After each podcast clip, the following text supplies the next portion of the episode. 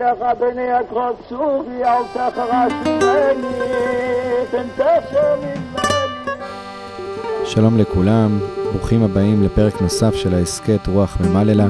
אב ובן משוחחים על פרשת השבוע בדרך של הצדיק, רב אושר פרוינד. חלק ב' על פרשת וישלח, אנחנו רוצים לפתוח אה, בסיפור מתוך קובץ סיפורים, ס"ח סיפורים בדרך של אה, רב אושר פרוינד, שכתב אחד החסידים של רב אושר.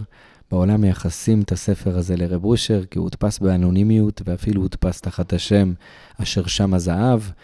אה, ובעצם הסיפורים האלה הם של חסיד של רב אושר, שהוא חבר שלנו, ואנחנו מאוד מתחזקים מהסיפורים האלה. אה, ובאמת יש בהם ככה את הרבה, דרכם אפשר הרבה ללמוד הדרך של רב אושר, גם בדרך שבה רב אושר רצה שהדברים ילמדו כתורת חיים ולא כתורה כתובה, אלא הסיפורים האלה בעצם, הדרך ללמוד היא אם אתה עובד וחי, אז אתה יכול לפרש ולהבין את הסיפורים האלה. בכל זאת נביא פה ספר, אה, סיפור אחד בפתיחה, בתקווה שנוכל גם להבין ובעזרתו אה, ככה להיכנס לתוך הנושא שאנחנו רוצים לדבר עליו היום. אז זה סיפור כ"א בתוך הקובץ הזה, נקרא מעשה במדבר. שהיה אחד שהיה לו צר במקום היישוב, והלך ועזב היישוב והתרחק למקום המדבר. עד שנכנס לגמרי במדבר ורווח לו, שהיה הולך במדבר הגדול ורואה את כל הערים והמרחבים לפניו, ורווח ליבו בקרבו.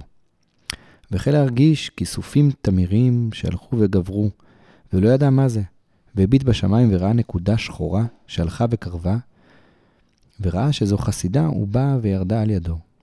והוא הלך לדרכו, והיא הייתה מנטרת על ידו על הארץ. והתמלא ליבו אהבה רבה אליה, וכל הכיסופים התמירים מילאו את האהבה. והחלה לעוף ולחוג במעגלים סביבו, ועלתה מעלה-מעלה, עד שנעלמה, והיה תמה. ואחר שבה וחזרה ושמח איתה כבתחילה. ושוב הייתה עולה ונעלמת, ואחר כך חוזרת, והרגיש שקשור אליה לעולמים, ושאל אותה, כשאת עולה, לאן את עולה? וכשאת שבה, למה את שבה? וענתה, כשאני עולה, אני רואה את המדבריות שעדיין אתה צריך לעבור. וכשאני שבה, אני שבה להידבק בך יותר, ושמח שמצא אותה במדבר. אפשר להגיד הרבה דברים על הסיפור הזה. אנחנו רוצים לקחת ממנו באמת איזושהי נקודה של שתי נקודות המבט של החסידה הזאת. נקודת המבט ממעוף הציפור, זאת אומרת, הנקודת המבט שזאת שיודעת את כל המדבריות שעוד יש לו לעבור, ונקודת המבט של החסידה שנמצאת בתוך הרגע של ההתמודדות, בתוך המדבר, בתוך הצעד הבא. שאלו באמת שתי נקודות מבט שרב אושר העניק לנו בתורות שלו, ושאנחנו יכולים לראות עכשיו בפרשה, אנחנו יכולים להתעסק בנקודת המבט היותר רחבה של המבט של מעוף הציפור. איך הרעיון הזה ש... אם אני אחשוב על הדרך שעוד יש לי לעבור, שהדרך הזאת היא, היא מושגחת, שיש השגחה בדרך הזאת, איך זה יכול להשפיע על הצעדים שלי, על האופן שבו אני פועל בהווה, במציאות שבה אני נמצא עכשיו. כן, מוישיק, תודה. ממש נפלא. שלוש פרשיות, שלוש פרשות, נקראות עם השורש של שלח בתורה. פרשת וישלח, פרשת בשלח ופרשת שלח. לכאורה אין קשר, אבל אם נבדוק היטב נראה שבשלושת הפרשיות האלה יש תפקיד לעמלק. פרשת וישלח נולד עמלק בן לאליפז. פרשת בשלח ויבוא עמלק. ועמלק הגיע ונתן צינן את הגדרה ואת ההתלהבות של עם ישראל לפני מתן תורה. ניסה לצנן. ופרשת שלח, כשעם ישראל הבין את חטא המרגלים, ואז הקדוש ברוך הוא אמר, נגזר גורלכם 40 שנה במדבר, החליטו המעפילים לעלות בכל זאת בהר. הנה אנחנו כן נכנסים לארץ ישראל, אנחנו כן בעלי אמונה. ואז בא עמלק והיכה בהם. למעשה בפרשת וישלח מוישיק, אנחנו נמצאים בפער האדיר בין העשבים המתפתחים, המתקדמים, המלכים, האלופים, השלמים, לבין היעקבים בבחינת הפסוק הידוע שאנחנו אומרים בהגדה של פסח מישוע בן נון, ואתן לעשו את הר סיר לרשת, איתו, לרשת אותו, ויעקב ובניו ירדו מצרים. כמו שאמרת, ממעוף הציפור, דרך ארוכה, מדבריות רבות יש לעם ישראל לעבור, בבחינת שלח לחמך על פני המים, כי ברוב ימים תמצאו. סדר זרעים נקרא סדר אמונה. סדר אמונה אומר, אומרים המפרשים, אומרים הראשונים, שמאמין בחיי העולמים וזורע. סדר זרעים במשניות, למעשה, זה כשאדם זורע למטה, מרחיק עדותו, מתרחק מהישות שבו, והנה לאחר מכן, לאחר תקופה, עם תפילה ועם שיח השדה, פתאום צומח משהו. זה בעצם שלח לחמך על פני המים, כי ברוב ימים תמצאו. הפוך מהאלופים, שכולם עם כוח וכולם עם עוצמה, אבל התוכן שבהם נעדר, נעדר בעין. ואנחנו רואים כיצד בעצם עם ישראל צריך להתנהלה לאיטי, ללכת בדרך ארוכה וארוכה, לרדת למצרים, ומתוך זה להיבנות פנימה, עוד פנימה, עוד פנימה, אריח על גבי לבנה, עד שבסופו של דבר מהכישלונות ומהכאבים והמציאות שלי, אני מפנה עוד מקום להשם, ואני מבין את הצורך שלי בהשם, ומתוך אותו כישלון אני נהפך להיות כלי ומצע לקבל את התורה, להיות אותם אבנים שהם לוחות כדי שייכתבו באש, אש שחורה על גבי אש לבנה. הערת פה בעצם הערה אה, חד, חדשנית מאוד, שהקשר בין שמות הפרשה של שלח ושלח וישלח מתגלה דרך החיבור שבכולם יש את הנושא הזה של עמלק. ובעצם השלח, שאמרת בבחינת שלח לחמך על פני המים, זה, אה, כנגד זה יש את עמלק. אבל מה זה העמלק הזה שהשלח לך הוא, הוא כנגדו? אז רב אושר, בשיחה שהוא נתן בפרשת זכור בשנת תשל"ב, שהחסידים שיכתבו את זה בתוך החברותות, הוא אומר ככה, בשעה שאדם אין לו ניסיון, אז היא העבודה הכי קשה, כי אז הוא הניסיון הקשה ביותר. ניסיון של אשר קרחה בדרך. היצר הרע עושה אותו קר ואדיש, בכדי שהוא לא ישים לב שהוא בניסיון, ובכדי שהתפילה שלו לא תעלה מכיוון שהיא תפילה ב- ללא ביטול. ולמה האדם אינו בביטול? משום שהוא מתפלל בבחינת מצוות אנשים מלומדה. הוא לא חי בבחינה של אשרי אדם מפחד תמיד, ובהכרה שהתפילה אינה ממנו רק שכינה מדברת מתוך גרונו, וזוהי העבודה. אשר ככה בדרך, אנחנו יודעים שזה בעצם עמלק, אשר ככה בדרך. זאת אומרת, רב אושר מדבר, מסביר שהעמלק זה הקרירות, שבן אדם בעצם כמו שעמלק שואלים בעצם את השאלה הזאת הספקנית, אם יש השם בקרבכם עם עין, ודיברנו בעצם על השלח לך כאיזושהי התחברות לנקודת המבט של המעוף של הציפור, כמו שהבאנו מהסיפור. זאת אומרת, אמונה שמה שאני עכשיו עובר בדרך, השם משגיח בזה. ועד סוף הדורות, עד המשך כל המדבריות שאני צריך לעבור, מה שאני עובר עכשיו מושגח, והשם יוביל אותי בדרך הנכונה לאן שאני צריך להגיע.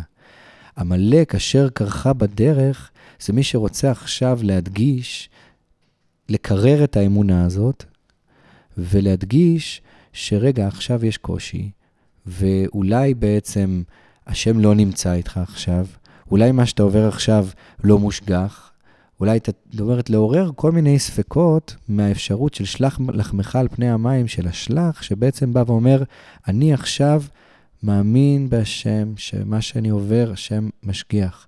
ואני יכול להוליד, את, להבין בעצם מה שרבושה רוצה להגיד, שיש פה מתח של ניסיון, ש, שכל הזמן נמצא. וזה הניסיון. מה הניסיון? כמו שהוא אומר בהמשך, הסיבה שאדם לא מתעורר וצועק, אמא, אבא, היא משום שהוא הולך בקרירות. כל הדרך העבודה שלו היא אשר קרחה בדרך, הוא לא חי בעבודה, הוא חי עם המציאות שלו. ואז הוא ערום, הוא ערום מכל. לכן, גם כשהוא מגיע לידי ניסיון, הוא ערום מכל. אין לו שום דבר. לעומתו, הצדיק אמת, יש לו בקרבו פחד תמידי. תמיד הוא מונח בפחד יום ולילה. הוא עובד כל הזמן, ובזמן שאדם מגיע לניסיון, כפי מידת הפחד שיש בקרבו, ככה הוא נתפס בניסיון. ומהו הפחד? שלא יאבד תחושת הסכנה, ושלא ישכח שהוא אחוז בחיקה של האימא. זאת אומרת, אשר קרחה בדרך זה להשכיח לבן אדם את הסכנה שהוא נמצא בו, ושהוא נמצא בד בבד בחיק האם. זאת אומרת, כמו שתי נקודות המבט שהבאנו, מצד אחד, פה, בתוך המציאות של ההווה, אדם צריך לחיות את המתח החם, לא הקרחה, של הניסיון, והוא צריך שלח לחמך על פני המים, לזכור שהוא כגמול אלי אמו, שהקדוש ברוך הוא אוהב אותו, וכמו אם שאוהבת את, ה, את הבן שלה, ובכל זאת שולחת אותו אל הדרך, שולחת אותו עם התיק לדרכו בגן, אל הדרך שרצופת הקשיים והניסיונות שכל בן אדם עובר בחיים. נפלא. למעשה, מה שהבאת מרבו של קרחה, מלשון קרירות, אנחנו יודעים גם מלשון מקרה, קרי, מלשון הנושא הזה שעמלק גרם לנו לראות הכל בצורה מקרית, ולא לחבר את כל הנקודות לקו אחד. שלח למעשה, שלח לחמך, הוא בעצם, מצד אחד, אנחנו לוקחים את הקטע של עמלק במובן הזה שכל נשימה ונשימה היא בפני עצמה. ככה עמלק טען, עזוב, בוא נחיה עכשיו, הנה אנוכי הולך למות, ולמה לי זה בכורה? הנה הר שעיר לרשת אותו. והנה כל המלכים, כולם כבר מולכים, מלכות שלמה, אבל מי נשאר בסופו של דבר? נשאר בעצם, נשארת התורה, נשאר עם ישראל, ועלו מושיעים בהר ציון, לשפוט את הר עשיו, והייתה להשם המלוכה. ואנחנו עמו של הקדוש ברוך הוא, כי אנחנו בעצם עוברים את כל הדרך של הכישלונות שאתה תיארת, מוישיק. אנחנו עוברים את אותה, אותה, אותה דרך ארוכה כי אנחנו מוכנים ואמורים לשאת את אותו עול גדול שאבותינו שמו עלינו, אבל אנחנו צועקים להשם, אבא די, כשל כוח הסבל, תתגלה עלינו ותבוא, עלו מושיעים בהר ציון לשפוט את הר עשיו, והייתה להשם המלוכה. שאנחנו נזכה ללכת בדרך של רב אושר, בדרך של האחדות והאהבה שאינה תלויה בדבר. ואם אני מדבר על אהבה שאינה תלויה בדבר, מוישיק, בואו נראה איך האהבה שאינה תלויה בדבר נכנסת פה בצורה מאוד חזקה, דווקא מתוך בני עשיו. אליפז, בנו של עשיו, שהוא אבא של עמלק. בואו נראה בעצם איזה סוד גדול שמוכיח את דרכו של יצחק, שקרב את עשיו למרות מה שהיה עשיו. הנה אנחנו רואים בפרשה הקודמת, כשיעקב מגיע ריק אל רחל ואל לבן, והוא בוכה, ורש"י בפירוש השני אומר למה הוא בוכה? שבעצם אין לו שום דבר מכל הכסף הענק, הנדוניה הענקית שהוא תכנן להביא. למה אין לו? כי אלפז רדף אחריו במצוות אביו וכמעט הרג אותו, ואז יעקב עשה איתו משא ומתן ואמר לו, אני נחשב כמת, קח ממני את הכל. מה פתאום אלפז הסכים? אומר רש"י בשם המדרש, לפי שגדל אליפז בחיקו של יצחק, משך ידו. אליפז גדל בחיקו של יצחק. תראו את האותיות, נראה את האותיות. יצחק, חיקו, רק הצדיק מפריד. חיקו זה יצחק. יצחק נתן אהבה לאליפז. כולם הסתכלו על אליפז ואמרו, אליפז הזה, בן רשע בן רשע. אבל יצחק חיקו החם והליטוף, וזה מה שזכר אליפז. והוא לא יכול עכשיו לאכזב את סבא. אז מי צדק, רבקה או יצחק? רבקה צדקה שיעקב ראוי. יצחק צדק, כי אם הוא לא קירב, אליפז היה הורג אותו. כלומר, בעצם השם צדק, כי אף אחד לא צדק. כי האהבה האינסופית שהעניק יצחק בחיקו לאליפז, גרם לאליפז מצד אחד להיות אבא של עמלק, אבל מבני בניו של עמלק לימדו תורה בבני ברק.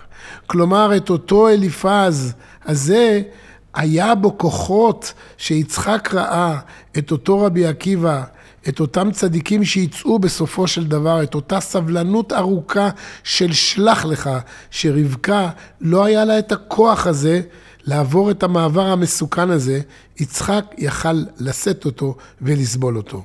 ואם אנחנו מדברים על לקרב, אז הנה המבחן הענק שרב אושר לא ויתר והדגיש אותו, כמו שמופיע בפרשתנו, מוישיק.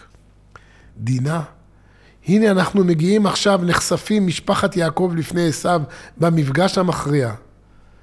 ואיפה שם יעקב, איפה שם יעקב את דינה? הוא למד מסבא אברהם שהחביא את שרה בתיבה. מוישיק, אתה מצאת את הקטעים מרב אושר, אז בוא תביא לנו את הדברים אה, בשם אומרם. כפי שמביא גדליה סגל באמרי אשר, הוא מביא בעצם מתוך שיחות שהוא דיבר עם רב אושר אה, באותו שבוע בכסלו תשמ"ח. הוא אומר ככה, בליל שבת קודש שאלתי את הראש על זה שיעקב אבינו הסתיר את דינה מעשו, כמו שכתב רש"י, ודינה היכן הייתה? נתנה בתיבה ונעל בפניה, שלא ייתן בה עשו עיניו, ולכן הענש יעקב שמנעה מאחיו, שמא תחזירו למוטב, ונפלה ביד שכם. עד כאן הציטוט של רש"י. הדברים תמוהים, כותב גדליה סגל. הרי זוהי שאיפתו של שומר תורה ומצוות להסית ביתו לתלמיד חכם ירא שמיים. ואיך באים בתביעה מאיתו, אה, שהסתיר את ביתו היחידה, שלא תיפול בידיו של עשו הרשע, שהוא כבר למעלה ממאה שנה. אמר הראש, ליעקב אבינו בחיר האבות היה צריך להיות אמונה חזקה וביטחון עז, ולא לפחד כלל מעשו הרשע, ולא היה צריך להסתיר אותה, ועשו לא היה אפילו מרגיש בה בכלל. ואם כן היה מרגיש, ורוצה לקחתה, הרי זה רמז משמיים שאפשר לה לדינה להחזירו למוטב. ועשו בתור בעל תשובה היה יותר גדול מיעקב אחיו, וכל תולדות ישראל היו משתנים בה, שעשו וכל הדורות הבאים אחריו היו יהודים שלמים. ומכיוון שיעקב הכניס את דינה בתיבה, הרי העביר אותה לטבע, כך כבר יכול היה שכם לתפוס אותה ולענותה. באמת, הדברים uh, מפחידים. מפחידים מאוד. וזה מתקשר גם לנקודת הפתיחה שלנו, זאת אומרת, נקודת המעוף של הציפור, שרואה את הדרך העתידית, מה שרב אושר פה אומר, זה יכל לשנות את כל הדורות, או כמו שאתה הבאת את הדוגמה עם אליפז, שבעצם מהפעולה של יצחק, אחר כך היה לזה תולדות בהמשך, אנחנו לא יודעים לפעמים למה דברים מתגלגלים על ידינו בצורה שהם, או אם אנחנו עושים מעשה טוב, אנחנו אפילו לא יודעים אה, איזה, איזה, איזה עץ יצח, יצמח מהזרעים שאנחנו זורים באמונה.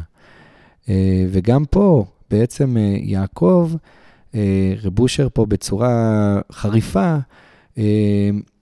מחריף עוד יותר את, ה, את האמירה שכבר רש"י והמדרשים אומרים על יעקב שהוא לא היה צריך להסתיר את דינה. ורב אושר מסביר את זה על חיסרון בביטחון, חיסרון באמונה. וזו שאלה גדולה, זאת אומרת, האם השאלה של גדל הסגל באמת נפתרת פה, לא, שהוא לא היה צריך להסתיר אותה? זאת אומרת, מה, מה, אתה, מה אתה רוצה מיעקב? הוא, הוא רוצה להגן על הבת שלו אה, מפני עשיו. כלומר, הגזרה בשמיים הייתה שדינה צריכה לעבור מעבר מאוד מאוד קשה ולהתמודד עם כוחות חיצוניים מאיימים מאוד. והשאלה אם היא תעבור את זה אצל עשיו, ושם זה יהיה מסירות נפש והיא תקרב אותו, או בסוף תיפול בידו של שכם עם כל המשמעות המורכבת שדינה עברה. זה מה שרב אושר אומר, שהעביר אותה לטבע. זאת אומרת, זה ביטוי חשוב להבין בדרך של רב אושר, שהוא מדבר על ה... זאת אומרת, אם אדם חי, הופך את עצמו למציאות, הוא מכניס את עצמו לתוך הבחינה של הטבע. זאת אומרת, בעצם שום דבר אין טבע. הכל הקדוש ברוך הוא עושה, הכל הוא מעל הטבע. הטבע, אומרת, טבע מול תיבה, העביר אותה לטבע. העביר אותה לטבע. אה. אבל לא, אבל לא טבע, ט' בית עין. אה, אוקיי, לטבע, אוקיי, למציאות הטבעית, אוקיי. מה שהוא אומר, שאם הוא היה פועל בביטחון, הוא היה מוציא אותה ממציאות הטבע. מי מחזיק מעמד? מי יכול להחזיק מעמד בזה?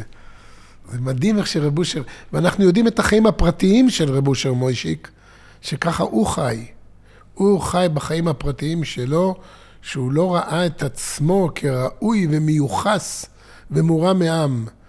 וככה הוא פשוט ראה את עצמו, אני לא ראוי למשהו יותר טוב. וברוך השם הוא זכה. אבל אולי באמת אנחנו יכולים להוסיף דברים שלא לא נכתבו פה, מתוך הדברים שעד עכשיו אמרנו על עלילות יעקב ועשו, שבעצם הרעיון שיעקב מסתיר, מחמין את דינה, הפעולה הזאת, עצם הפעולה הזאת של ההחמנה, כל הזמן רב אושר מדבר על כמה אדם רוצה להסתיר את הפגמים שלו. זאת אומרת, בפעולה הזאת של ההסתרה יש בעייתיות. כי כל הדרך של יעקב התחילה, כל היציאה שלו, והתחילה מזה שבעצם הוא היה צריך לחשוף את מה שמוחמן, את יסוד העשוי שבו. ועכשיו, זה הוא עשה יפה מאוד כשזה היה בשביל לקבל את הברכה, או בשביל לנצל מעשיו, אבל עכשיו שכאילו הוא כבר נמצא בדרך ו- וכבר עבר מנקודת הסכנה, פתאום הוא מסתיר. זאת אומרת, מחביא את דינה. ו- ופה בעצם הוא היה צריך עוד יותר, בהשם. לא רק האמונה בהשם, זה מה שרב אושר אומר פה, אני רוצה להוסיף משהו שהוא לא אומר פה, אבל בדרך של רב אושר, לזכור שהוא לא יותר טוב מעשיו. זאת אומרת, הפעולה שהוא מסתיר מפני עשיו, כבר יש נקודה של פגם באנוכי עשיו בכוריך, מה שאמרנו שהוא היה צריך להכיר את העשוויות שבו. זאת אומרת שהוא שוב פעם נופל למקום הזה של ההסתרה, שאדם כל הזמן מסתיר את הפגמים שלו, מטאטא. זאת אומרת, כשהוא הסתיר את דינה, הוא בעצם ביטא שהוא איזשהו פגם באנוכי עשיו בכוריך הזה. זאת אומרת, ביכולת שלו להכיר באמת שהוא לא יותר טוב מעשיו. סכנה אדירה שהצדיק, רבו שכתב את זה בכמה מקומות, שהצדיק יורד למטה. כדי להרים אותנו איזה סכנה הצדיק נכנס. כשהוא בעצם, אם יעקב היה אומר, טוב, אני אסע ודינה, הנה, דינה, בבקשה. הקדוש ברוך הוא, אני מפקיר הכל אליך. כמה זה מסוכן, שבאמת, רב אושר עשה את זה, רב אושר ירד, ירד אלינו והיה איתנו בכל מצב. אה, אבל באמת, בואו נראה עוד דוגמה מתוך הבית, מוישיק, של קירוב לבבות, שלא היה אולי מספיק למה הוא גרם, אה, וזה בעצם בפרשה שלנו עם שמעון ולוי. שמעון ולוי, למעשה, כשרואים שפגעו בדינה, הם עושים תרגיל, והתרגיל הזה גורם בסופו של דבר שהם הורגים את כל אה, בני שכם. ויעקב אה, כועס מאוד ואומר, אחרתים אותי מפני יושב הארץ, במקום שיעקב בעצם ישמח שהצילו את דינה, הוא למעשה מאוד מאוד עצוב על מה שקרה, שהם עשו את זה בצורה כזאת אה, אגרסיבית.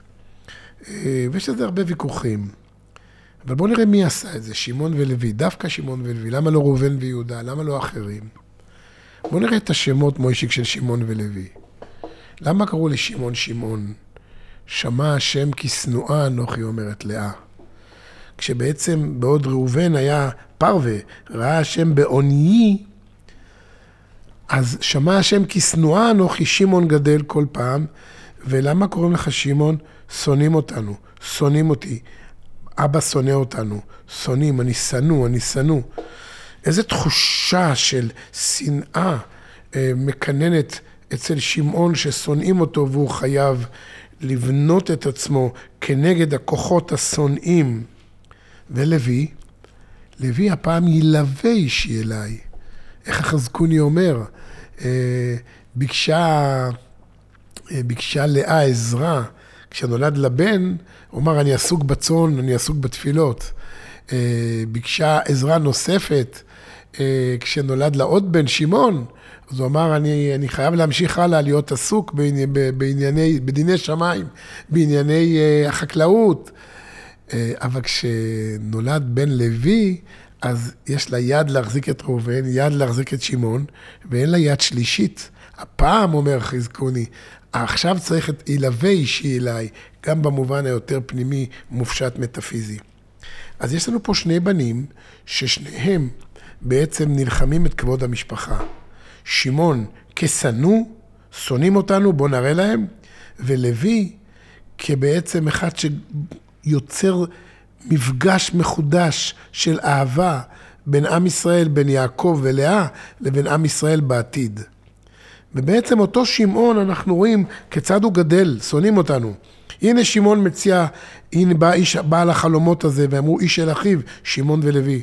הנה שמעון זה שמציע להרוג את יוסף. הנה שמעון שיוסף יודע שהוא יכול להרוס את כל התוכנית, הוא כולא אותו במצרים את שמעון, כי הוא יודע ששמעון עם הכוחות. הנה אותו שמעון שאחר כך זמרי בן סלום משבט שמעון טוען, שונא אותנו משה, הוא לא מאפשר לנו את כל ההיתרים שכנראה הוא קיבל משמיים.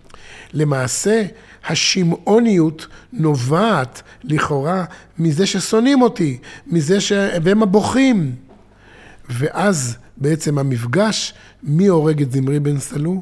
אותו לוי שקלט את המסר שמה שאמר יעקב, שמעון ולוי אחים, כלי חמאס מכורותיהם, אכלכם ואפיצם, לוי קלט את המסר שהוא בעצם צריך ללוות את ישראל לאביהם שבשמיים, לא להיות עם אותה אנרגיה, אלא לתעל את האנרגיה לאהבה.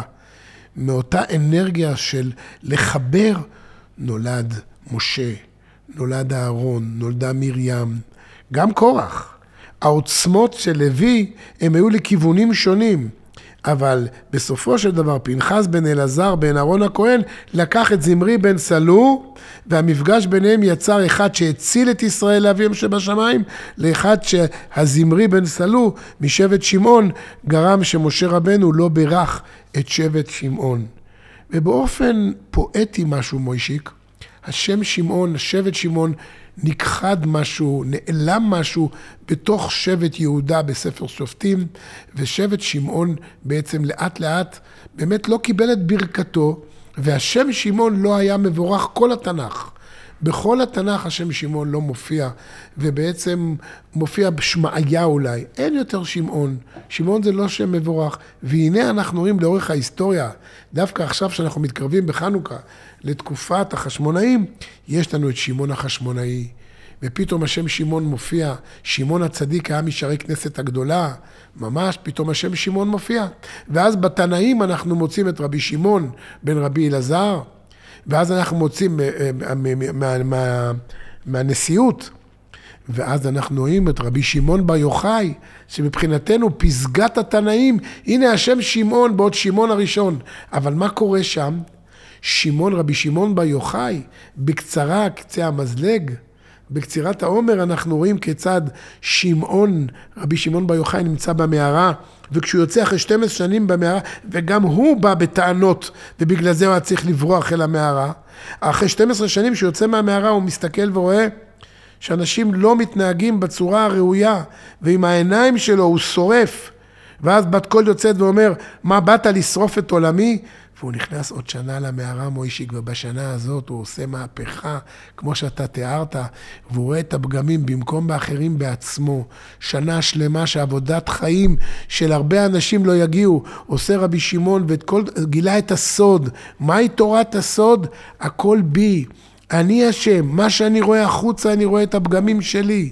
וזה תורת הסוד. הסוד הגדול רב אושר לימד אותנו, זה הסודות. השתיקה והפגמים, והלהכיר את הבעיה אצלי. וככה שמעון הפך להיות שם כזה קדוש. אנחנו רואים כיצד יעקב, שבעצם לא מספיק קרב את ה, את ה, את ה, אולי את בני לאה, איך בסופו של דבר הקדוש ברוך הוא אפשר לצדיקים לתעל את האנרגיות האלה אחרי מעברים מאוד מאוד קשים. ובעצם להוציא דווקא מהשם הזה שמעון את תורת הסוד. מהו הסוד? הסוד, בוא נעזוב כרגע למה זה קרה. בוא נתייחס לזה שאם הקדוש ברוך הוא עכשיו לא נותן לי שלווה, ונותן לי, נותן שישנאו אותי, אז אני אעבוד עם עצמי ואחשוב מה אני צריך לתקן בעצמי ששונאים אותי. לא שזה נותן לגיטימיות לאחר, להכות את השני חלילה, אלא מה החלק שלי שאני יכול לעשות ולתעל. ומתוך כך צמחו צדיקים שניצלו את הכאב שלהם, ניצלו את זה לגדול ולצמוח ולהיות צדיקי אמת, כמו רב אושר, מורנו ורבנו הצדיק. זכותו תגן עלינו.